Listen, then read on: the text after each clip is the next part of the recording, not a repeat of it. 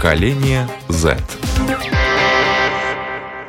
Здравствуйте, с вами Марина Талапина, режиссер программы «Поколение Z» Даниэль Йоффе. Спасибо, уважаемые слушатели и зрители, что подписываетесь на нас, что кликаете, ставите лайки, пишите комментарии, звоните и так далее. Я напоминаю, нас можно слушать и видеть на YouTube-странице и также на нашей странице lr4.lv. Ну, а подкасты программы «Поколение Z» можно слушать практически на всех платформах, включая Google, Apple и Spotify.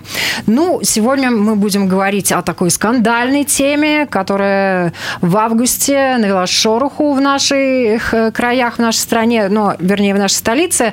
И э, вот за срочную ликвидацию мурала Кристиана Бректе на стене начальной школы номер 40 города Риги в течение первой недели после публикации на manabals.lv, такой сайт, где люди могут голосовать, собрано свыше 4000 голосов. И почему бы об этом не поговорить? Эм, потому что, конечно же, надо поговорить, но вот все взрослые, мне кажется, которые могли высказаться, они тогда достаточно громко высказывались, а мы решили, поскольку у нас в программе З, молодежная программа и главные действующие лица ребята, пригласить э, в студию и по Zoom свистаться с учениками этой школы и с выпускниками, что они думают об этом э, скандальном инциденте. И я рада представить сегодня с нами на связи Юлия Шведа. Привет. Да, да, всем здравствуйте. Эвита Гришняк. Здравствуйте. Александр Кабенко. Здравствуйте. И также в программе принимает участие еще один человек, тоже выпускник этой школы и по совместительству коллега, мой лично коллега, э, который работает вместе со мной на Латвийском радио 4, Александр Андреев. Привет, Марина. Привет. Итак, вот э, сразу же из огня да в полымя ваше отношение к этому объекту искусства. Александр, давай начнем с вас. Да, хорошо. Ну, здесь я думаю, что разговор даже больше не об искусстве, а о том, где оно находится. И это, как бы, наверное, главная претензия, я думаю, что и родителей, и школы. И я так, так для себя лично, допустим, сформулировал, поскольку э, мы можем по-разному относиться к тому, что как автор это изобразил, как он это понял, какую идею он вложил, но это все-таки остается младшей школой, туда приходят дети, и, как по мне, это немножечко слишком современно, может быть, да, где-то, я бы сказал, вульгарно и просто не подходит под формат младшей школы. Немножко неправильное место было изначально выбрано для такого рода арт-искусства. Девочки, давайте ваше мнение, Юлия. Твое впечатление от этой работы? Да, я совершенно солидарна с Сашей, потому потому что действительно каждый интерпретирует искусство по-разному, а как мы понимаем и как мы знаем, что здание АКОС, там у нас учатся ученики младших классов с 1 по 6, и часто они могут интерпретировать картинки подобного образа совершенно другое русло, что изначально подразумевал автор, поэтому я тоже думаю, что да, это искусство, но такие картинки неуместны на здании младшего школы. Можно было подобрать какой-то другой рисунок. А если бы на здании старшей школы это изобразили, как бы вы к этому отнеслись? Ну, то же самое. Школа – это ученическое, это, у нас здание, где знания и учеба. Как бы я считаю, что, возможно, стоило бы какую-то отдельную выставку и не на здании учебного утверждения. Вот. Как бы школа – это не подходящее место для такого. Эвита? Я согласна с ребятами. Я когда вообще узнала эту новость, я тоже не совсем поняла, почему для данного арт-объекта было выбрано именно здание нашей школы, потому что оно как бы никак не связано с личностью автора данной работы, и как бы это не школа, в которой Э, училась художница, которой посвящен данный рисунок, и э, это не школа искусства или не художественная школа, поэтому мне кажется, что данный рисунок не совсем уместен на нашем здании, и плюс он достаточно провокационный, и его можно интерпретировать неоднозначно, и так как все-таки мимо этого здания ходят именно дети, я думаю, что им будет не совсем тоже понятно, а к чему этот рисунок и почему он на нашей школе. И я думаю, что не все родители смогут тоже это как-то правильно объяснить детям. Поэтому я думаю, что такой рисунок вполне мог бы быть, например, в каком-нибудь современном музее, но на здании школы, мне кажется, это все-таки не самое подходящее место. Ну и, Саш, э, твое мнение, your opinion Если говорить о самой работе, то работа, на мой взгляд, великолепная. Я в восторге от работы этой, тем более, что она на стене бывшей школы. Но согласен с ребятами, учителями, потому что последнее слово должно быть за ними. Именно они там ходят, они там учатся, они это видят каждый день. Поэтому самым разумным решением было бы, конечно, перенести эту работу куда-нибудь в более подходящее место, творческие кварталы, молодежные районы, где что называется, тусуются художники, молодые люди, которые ну, считывают все эти контексты, смыслы, которые, а, возможно, не считывают родители или дети, которые регулярно там оказываются. Но о чем говорил сам художник, он сказал, что он даже не знал, что это за здание. В интервью от нашему радио, до этого он был в гостях у нас. То есть он, а, это не была намеренная провокация, что пытаются тоже ему вменять в вину. Да, но тем не менее. Это такое немножко называется misplacement, то есть нужно просто прийти к компромиссу и перенести эту работу в другое место, а сама работа замечательная. Мнение мое таково. А сейчас с нами на связи по телефону сам автор монументальной декоративной росписи посвящения Джеймис Куме Кристиан Бректа. Слушаем. Основной вопрос, э, идея вашей работы. Ну, ну идея моей работы э, э, было э, несколько их, э, но э, как бы так что это, это школа, тогда я, я большую внимательность как бы смотрел ну, ну эти вейлины, вот не знаю как по-русски, джемские работы, и мне очень понравилось, и как бы я вот э, думал об, об этом, об этой работе, э, чтобы э, не делать как бы это для Джемы, ну, этот мурал, но я не хотел делать работу, которая была как бы такой, ну, гробный камень, да. Ну да, памятник. Да, как памятник, но, но больше я думал, как, как бы я с Джемой Э, вместе э, э, ну, работал над, над, над этим, над этой задачей.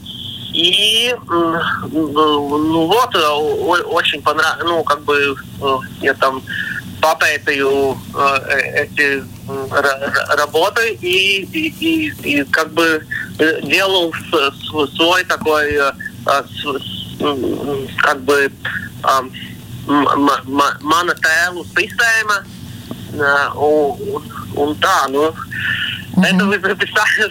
Система ваших образов. Да, да, да, да, да, все отлично. На самом деле очень хорошо. Спасибо вам большое. Знаете что? Вот из первых уст э, хочется услышать, и чтобы все остальные люди услышали э, вот те образы, которые э, изображены, что они обозначают, да, вот эти богини.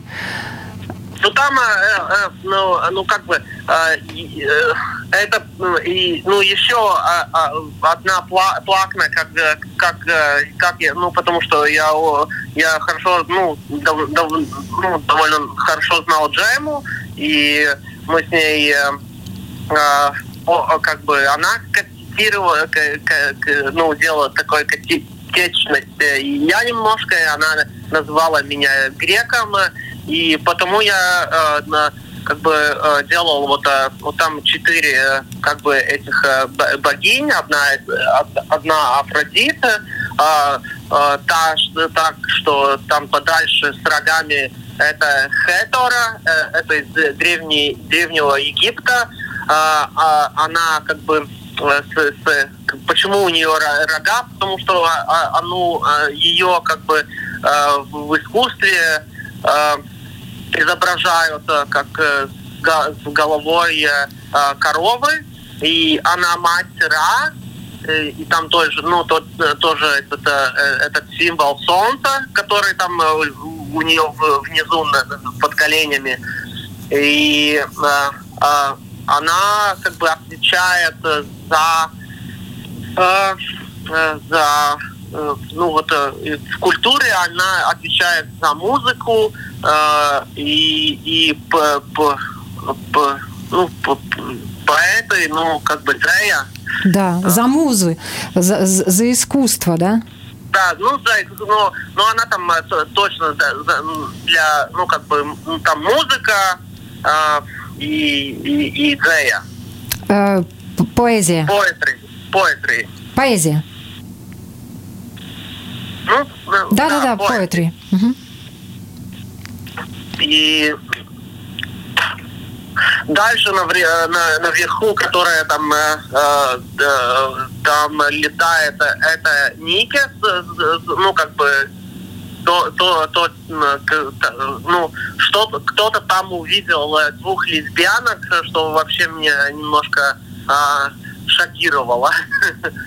И, и, и три, три, три, три, ну, четвертая, это самая маленькая, это э, Хеката, и она как бы три, три вагини в одном. Потому у нее этот э, шестипак,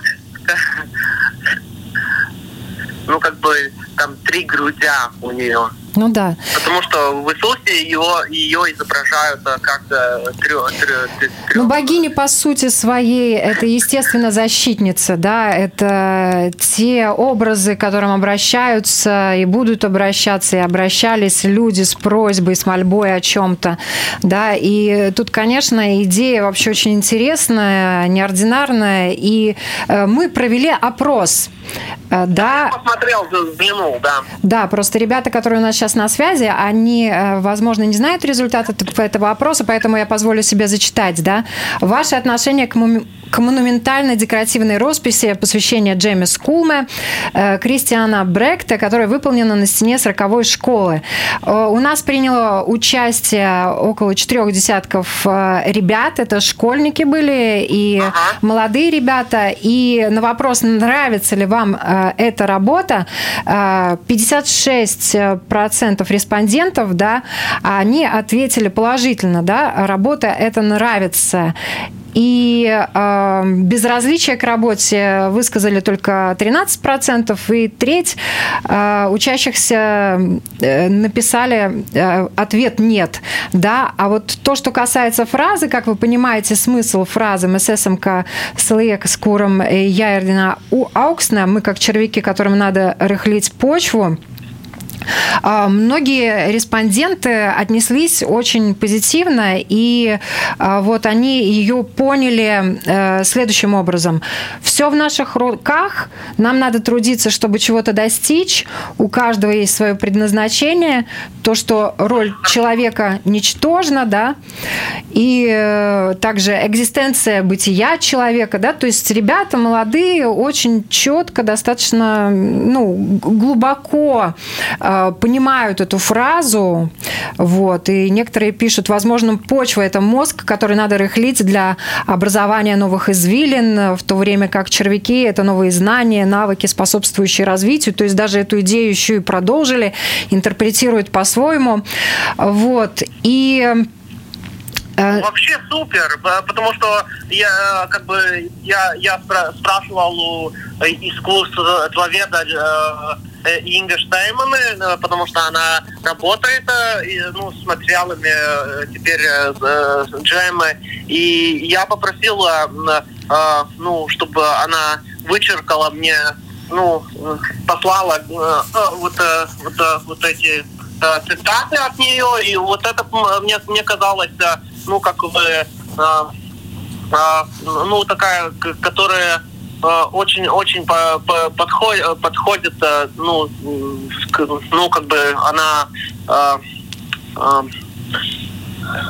как сказать по-русски, а, ну, как бы... Но она соответствует очень э, Джемми, ну, да, ее, да, ее творчеству. Этому времени, что нам, нам надо ну, что, что-то делать, потому, ну, и, и, и тогда только, только Э, что-то э, будет происходить, не, ну, не надо сидеть на диване.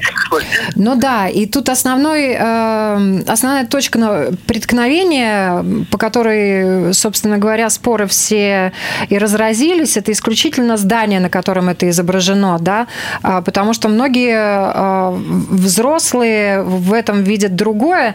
Но вот если откинуть восприятие вообще изображений, рисунков и так далее взрослых, а э, стать на место детей, да? Вот да. э, что дети могут увидеть это э, в этом? Э, вообще, как вы к этому относитесь? Как... Я а, абсолютно позитивно, потому что у меня много, много друзей, у которых тоже есть, есть дети, и и там то, тоже из-за этого МВТ тоже спросили даже у каких-то психологов и и, и мне, мне все, ну, что это позитивно, и, и, и, и это, мне очень понравилось там, что кто-то там видит скейтбордиста, танцовщица, ну, ну, все, всякое, ну, но, но, но все, все, все, все позитив, ну, как бы позитивно. Ну, вот так. Но в любом случае скандал это всегда на пользу художнику, согласитесь? Ну да, конечно. Ну, я вообще, ну, ну такая, э, о, о, очень рада в том, что э, э, как бы э, об искусстве э, говорят, и, э, по-моему, этот, э, ну, э, сейчас это, о, о, ну, как бы на, надо, и и это же э, тоже, ну, как бы, ну, zinātnāriem un, un zinā, ну, такая veicina zināšanas, и это, по-моему, ну, ну, надо вообще как бы э, ну, ну, как бы смотреть, какой контекст и как, как, как, как статус. Ну, угу. так. Но вы не очень расстроитесь, если вашу работу перенесут с этого здания на какое-нибудь другое? Ну, это мне, ну, как бы не, не, не, не, не там, там, там, там, там, как бы думать, но, но по-моему, э, э, э, она там хорошо сидит композициально, потому что, ну, как бы я вообще работаю и в театре, и, и, и, и делал тоже в, в пространстве, ну, всякие объекты. Я как бы э, ну, э, э, работаю с помещением, ну, и, и внутри, и, и, и, ну, как бы, ну, и, и тоже в, в, в городе, да. И у меня очень хороший там ком- комментарий про то, что это очень освежает вот эту, ну, как бы... Городскую среду. Первую Ригу, Ригу и, и там какой-то вот мирово, мировая нота в этом. Спасибо вам большое, что позвонили, что дали свой комментарий. Это очень ценно для нашей программы. Мы вас отпускаем и продолжим дальше с ребятами обсуждать да. в студии. Спасибо ну, громадное я, я вообще, ну, как бы, э, я не, не, не злюсь э, на, на этих, э, как бы, в атаке, но как, ну, кто-то на, на, мне индивидуально там писал, что это какой-то, ну, тут там черт или сатанизм. Я ответил одной, вот, по-моему, маме там ответил, что, что вообще слушают. Ну, такая, я, я спросил, а, а слушает ли ваш ребенок ну, Моргенштейна? И она сразу вообще не ответила ничего. Ну, действительно, что... тут спорить на эту тему можно продолжать. Э, и, мы, и мы продолжим на, о ней спорить. Что, что есть, есть дискуссия, и, и дети э, э, не, не, вид, не, вижу, не вижу то, что, что, что их, ну, как бы, да, так и, ну... Родители, и, да. Да, родители. И, ну, и вообще, я думаю, э, ну, как бы, ну да, позитивно. По крайней мере, эта новость отвлекла народ от ковида, что тоже, наверное, неплохо. Спасибо вам за то, что вы изобразили, и нам есть о чем поговорить. Спасибо еще раз большое, и да, э, хорошего вам дня. Да, вам тоже, и, и, и спасибо.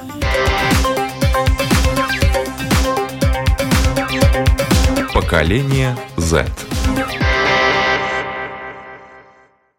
И мы продолжаем, поскольку э, вот у вас э, э, с, ну, достаточно понятная позиция, конфликта в студии нет, да, то я буду вас провоцировать. И спасибо огромное действительно а, автору а, работы монументальной декоративной росписи посвящения Джеймис Кума, Кристиану Бректе, что он нам позвонил, и из первых уст мы услышали, что он вообще вкладывал в эту работу, что, какие изображения на стене собой представляют, э, что под ними подразумевается, как это правильно надо читать, потому что на самом деле, вот я не знаю, как э, вы воспринимаете искусство, но я думаю, что большая часть людей видит перед собой изображение, слышит музыку. И Первый критерий – нравится, не нравится. Да?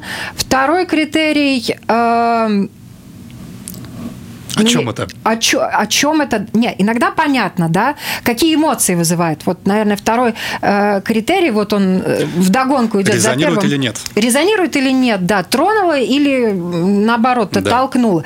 И если ты не понимаешь, что там изображено, то любопытство, в принципе, должно подтолкнуть, если интересно, если да? интересно. Да. А, а что же это все значит, да? А зачем это все нарисовали и написали? Вот, э, ну, поэтому я первый вопрос задала, и э, вот первая мысль, которая к вам пришла, когда вы реально увидели изображение. Отталкивает, не отталкивает, нравится, не нравится, понятно, непонятно. Александр. Да, я могу сказать. Э, говоря о таком творчестве, я так понимаю, что это своего рода примитивизм, поскольку... Наивизм, да. Наивное искусство. Да. Э, я честно скажу, я не поклонник такого творчества, и вот к разговору о том, что вкладывает автор, можно отнести того же Жана Мишеля Баскию, который рисовал в стиле граффити, тоже у него были свои демоны нарисованы, продаваемые за огромные деньги. Э, мне лично такого рода искусство не нравится. Мне нравится, э, как рисует, например, Бэнкси. Это тоже уличная живопись считается, и, правда, может быть, менее официальная, ну, очень хорошо продаваемая, да. Да. Тоже. Ну, по мне это красиво, по факту. Ну, как бы я смотрю, мне нравится, как это выглядит эстетично. А, здесь у меня есть как бы вопросы. Я понимаю предысторию, я понимаю образы, но все еще первый момент это то, что приходят дети, и к разговору о том же Моргенштерне, например, а, я бы мог возразить, я могу сказать так, поскольку все-таки есть выбор у человека ребенок может наткнуться, а может не наткнуться. А здесь ты приходишь в школу, и ты это видишь в любом случае. У тебя нет выбора. Но то, что касается Моргенштерна, как ни странно, детям он нравится. Да. Э, это неудивительно. Да, но это такая тяжелая э, музыка для многих взрослых, да, которая многим взрослым, ну не всем взрослым, да, нравится. Вот. Хорошо, а, девчонки, ваше мнение? Вот именно impression, first impression, как говорят, да, вот первое, поняла, не поняла, понравилось, не понравилось, легко, светло или не рога а, или корова. Я могу сказать, что в этой, в этой работе меня, на первое, на что я обратила внимание, это как раз-таки не нимф, не дева, а вот надпись, потому что я люблю вот в искусстве все эти неоновые надписи. У нас сейчас в парке Кронвальда висит вроде бы тоже неоновая надпись, там «Как не прятаться в тени», в тени вроде бы там такой смысл был у надписи. Вот, и надпись именно ее смысл мне нравится. Но, как я уже упоминала ранее, место не... Да, будет тавтология неуместное место. Школа, вот мне кажется, другой рисунок должен был быть. А рисунок сам? Вот ты когда да. увидела, что? Да. А, ну, вот ним, то, как они изображены, мне кажется, это для детей, которые, как уже упоминал Саша, что они реально видят это каждый день, когда ходят в школу, ну, как бы никак не избежать этого рисунка, и они его видят, то все-таки стиль, возможно, должен был быть выбран другой. То, как изображены эти девы, возможно, чуть более цензурная версия. Вот для детей именно восприятие Но... их. ты э, вообще не против надписи, правильно? Надпись можно оставить? Нет. Угу. Надпись можно оставить, да. Это твое впечатление от работы? А, начну с того, что я вообще узнала об этой работе достаточно поздно. Вначале я увидела бурное обсуждение о самой работе, только потом саму, свою работу. И это уже работу. немножечко как бы тебя оттолкнуло да, сразу. Деле, но нет, скорее даже наоборот, я просто представила что-то более ужасное, когда увидела, как бы э, все оказалось не настолько плохо, но э, я удивилась, что все-таки, да, достаточно откровенные рисунки, без цензуры, так сказать, и плюс, что там есть вот достаточно непонятный момент в плане того, что там у кого-то несколько глаз, э, еще что-то такое, ну, то есть... Э, не совсем стандартное изображение, вот, но мне показалось, что э, скорее такой рисунок отталкивает. То есть э, мне не захотелось его рассматривать или любоваться тем более. Ну, то есть я увидела, подумала о том, что очень провокационно для здания школы и что ну, непривлекательная работа для для глаз. Не знаю, мне кажется, что э, можно было сделать что-то более яркое и более да, подходящее для детей. Разноцветное. Цветочки, бантики. Ну, может быть, что-нибудь связанное со школой, я не знаю. В принципе, мы вот обсуждали, например, напротив нашего здания на Терботес на доме нарисован яркий банан. Э, но он хотя бы поднимает настроение, он яркий и классный. Вот. А здесь как-то даже, ну, так все черно-белое, не позитивно. Ну, э, достаточно светлая, на самом деле. На белом фоне черные э, контуры изображены. Все так в стиле как раз детского рисунка, что на самом деле так и есть. Мне ребенок мой, э, сын, принес вчера свою картину э, «Комбайн», который был сначала нарисован простым карандашом. Вот. Ну, и я уже попросила, а может быть, разукрасим. Вот. И он уже разукрасил. Да? То есть дети, наверное, так они и рисуют э, хотелось бы вот э, поговорить поглубже про травматичность да, этого мурала, а, потому что в нашем опросе мы тоже спросили э, ребят, э, может ли роспись мурал травмировать психику, да, и большая часть респондентов ответила нет. Да, это из э, четверых три человека считают, что не может травмировать э, психику этот э, мурал. Вот. Ваше мнение на этот счет? Если может, то чем реально может травмировать? Вы немножко об этом уже говорили, может быть, э, где-то в чем-то повторить. Саш, давай с тебя. Я думаю, если мурал может травмировать психику, то нужно разбираться не с муралом, а с психикой и помогать ребенку с его проблемами ментальными, потому что мы видим просто черные линии на стене, это как такой тест Ротшиха, как э, говорил Владимир Сорокин. Он просто пишет букву на бумаге. То, что в него вчитывают сами люди, какие смыслы они там видят, во многом говорит о них самих. Конечно, работа мрачная, безусловно, такой э, осознанный примитивизм, довольно, ну, такое темное искусство, bizarre арт, что называется. И, конечно, повторюсь, что ему не место, может быть, не в школы, потому что, ну, реально. Да, но в то же время я ну, не вижу там ничего травмирующего. То есть, э, ну, по крайней мере, если с психикой все в порядке, то никакой мурал его не травмирует. Такое мое мнение. Ребят. Ну, я, в принципе, согласен с Александром э, в плане именно травматичности. Конечно, не нам об этом судить, потому что у нас пока нету ни у кого степени психологии, да, я думаю, что мы не настолько подкованы в этом вопросе. Э, но ребенок смотрит на это как на пустую картинку, да, он, у него в мозгу еще нет вот этих когнитивных связей, которые есть, например, у нас, которые подвязывают э, это каким-нибудь другим работам, может быть, да? Ну да, заставляет а, нас копаться это... вообще, а что это, да? Ребенок, а он видит, ему или нравится, или не нравится, да, он не будет там э, заглядывать в историю этой работы и э, искать в легендах Древней Греции и мифах, э, кто, какая богиня Афродита, что она, ее историю и так далее. Юля. Если было бы так, это бы наоборот работал бы, я был бы только за нее, поскольку если это мотивирует ребят учиться и искать, ну, это же круто. Но, к сожалению, как по мне, пока такого не происходит.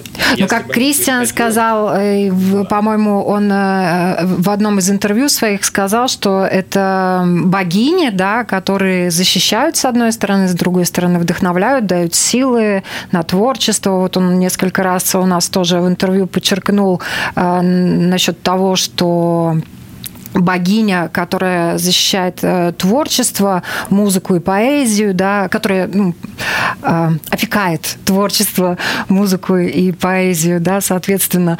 А вдруг в стенах этой школы вашей сейчас начнут э, замечательные поэты э, 8-9-летние э, проявлять себя.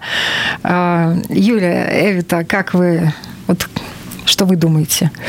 А, ну, я считаю, что сама по себе картина травмы вызвать не может.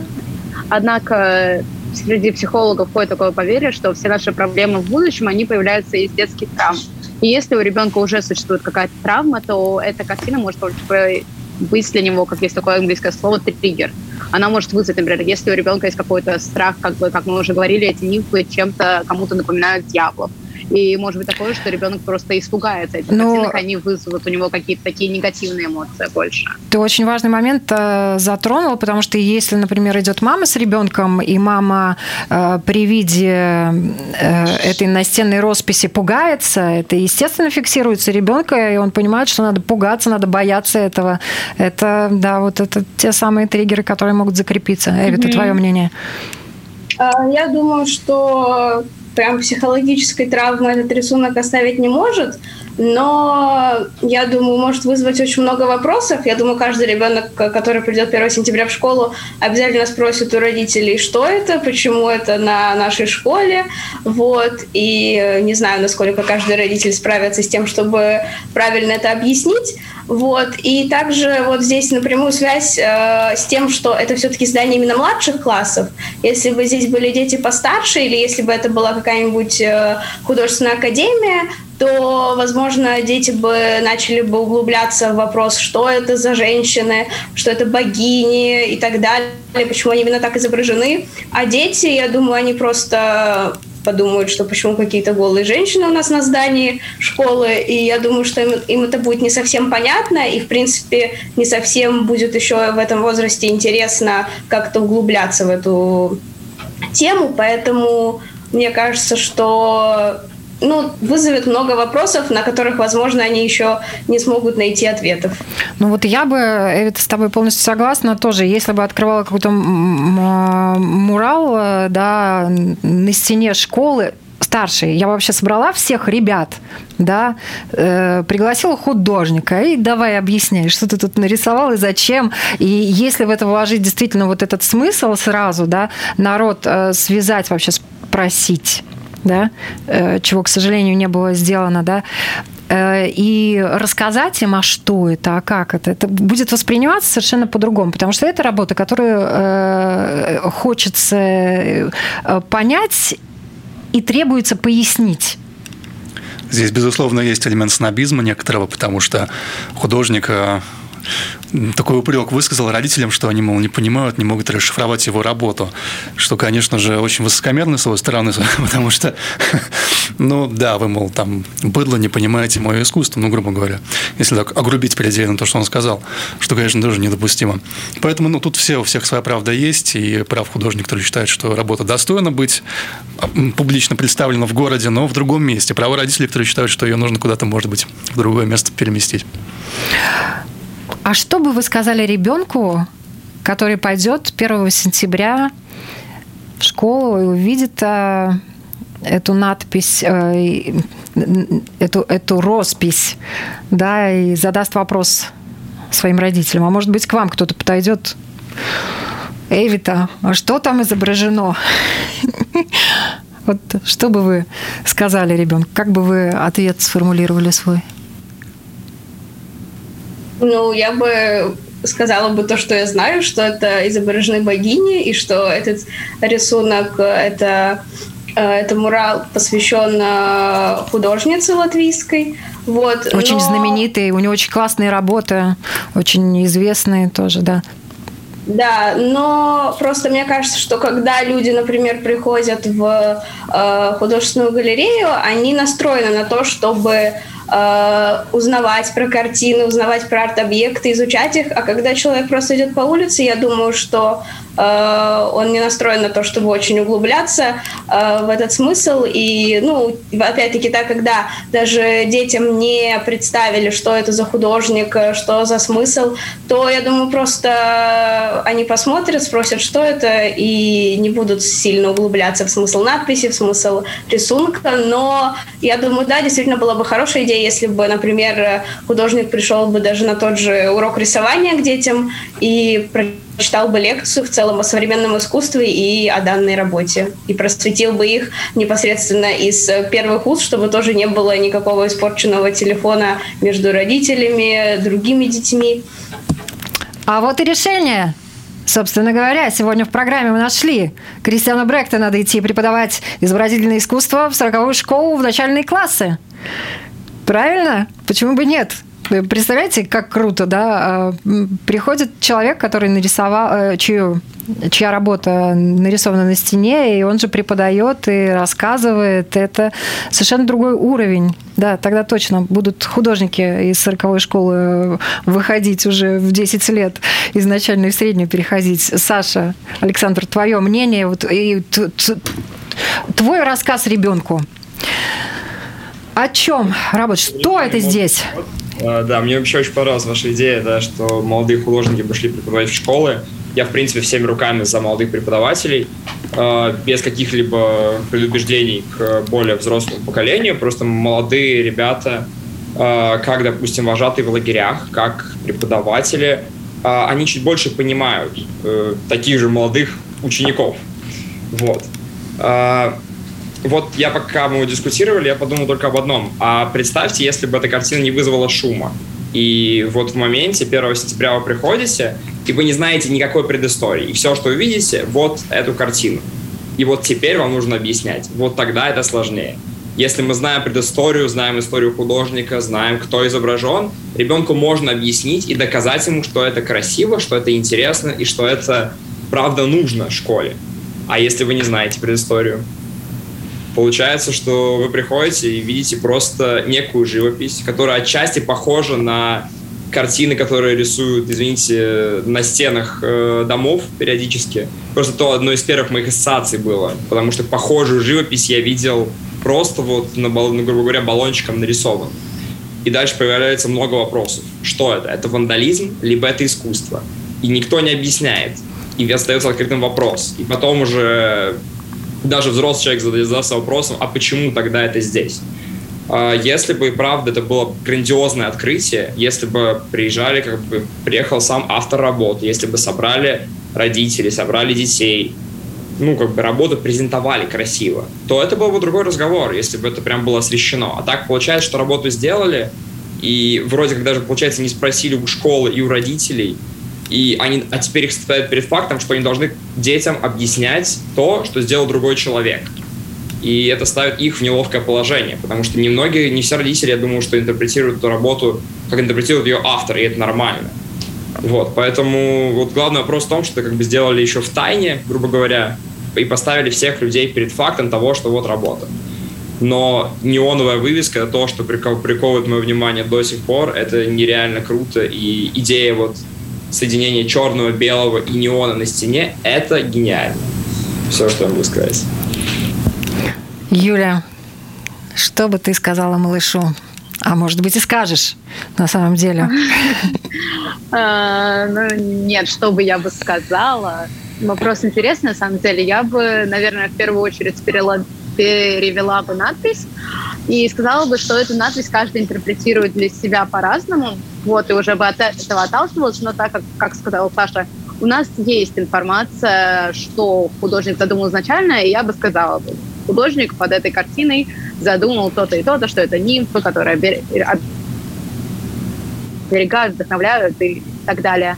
Вот. Но не зная изначальный, изначальную задумку художника, я бы даже, не знаю, наверное, бы отталкивалась от фразы самой и старалась бы вызвать свои ассоциации какие-то и рассказать, с чем у меня ассоциируется, и как мое мнение, как я думаю, что эта картина бы э, подразумевала под собой. Ну, классно на самом деле, что мы разговариваем на эту тему, да, и если зададут вопрос по этой теме, мы тоже будем разговаривать, да, а, потому что главное не уводить ребенка, да, и там не закрывать ему глазки. Ты этого не видишь, этого не было. Помните, как разные сцены в фильмах бывают, родители так деткам, опа, ты ничего не видишь.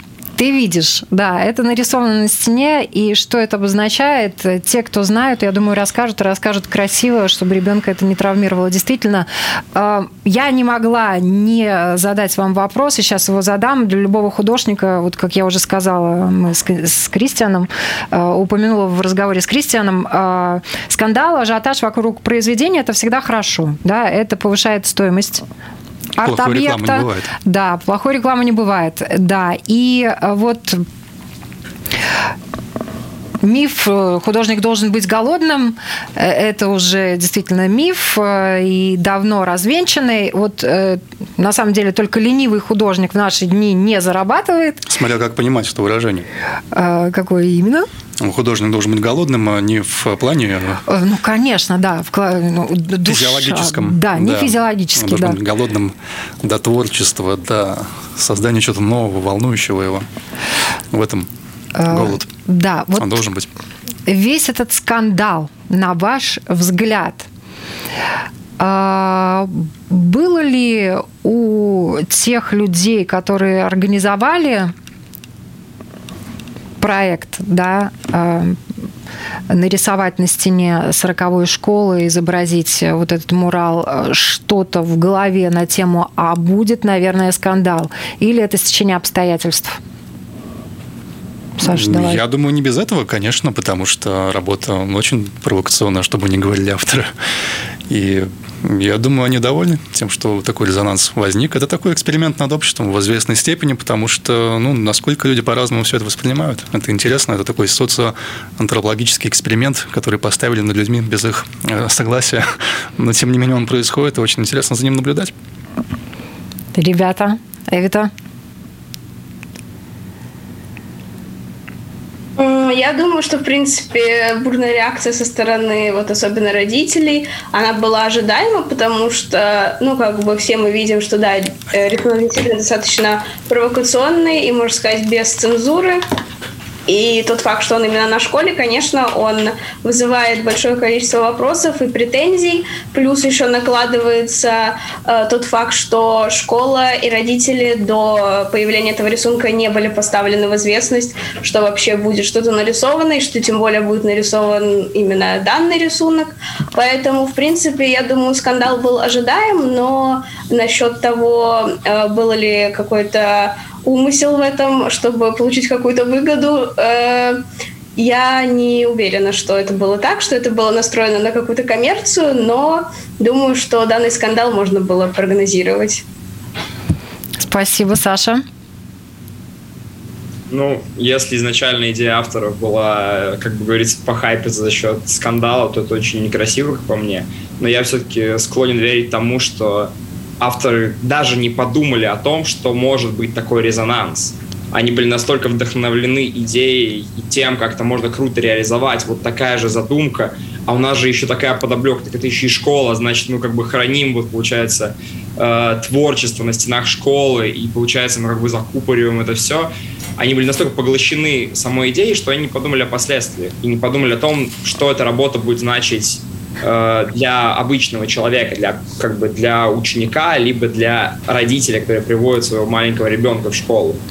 И, собственно, конфликт родился из того, что просто как бы некой недосказанности, может быть, нехватки времени, вот потому что хотелось прям реализовать. Потому что бывает, что когда есть крутая идея, хочется прям все быстро сделать, и вот чтобы всем прям понравилось.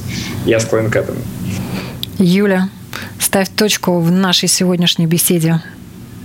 А, я считаю, что одним из пунктов, почему создатели вот этого проекта не согласовали все со школой, ведь это можно обычно сделать обычно как когда организуют что-то, что-то согласовывают. Потому что мне кажется, что, возможно, подсознательно, возможно, при обсуждении они понимали, что подобный рисунок не разрешат создать на школе, а у них, вот, как сказал Саша, была идея, и они вот хотели именно ее реализовать. Я думаю, это одна из причин, почему они не согласовали это со школой. И, возможно, они подразумевали, что какой-то скандал, какое-то обсуждение будет. Ну и, как говорится, в современном мире э, хайп для тех, которые хотят раскрутить себя, это важно. Поэтому, скорее всего, по моему мнению, они подразумевали что-то, до публики будет какой-то ответ. Да, художника обидеть может каждый. Спасибо вам огромное за этот разговор. И художник, я так понимаю, тоже может обидеть э, разных людей своим произведением. Вопрос э, кто готов обижаться, тот обижается, кто готов смириться, тот смиряется, а кто не готов, тот говорит об этом громко, и я рада, что мы поговорили на эту тему сегодня в нашей программе. Спасибо вам большое. Я напоминаю, сегодня в обсуждении мурал на стене 40 э, школы города Риги участвовали Юлия Шведа, Эвита Горишняк, Александр Кабенко и Александр Андреев. Всем хорошего дня!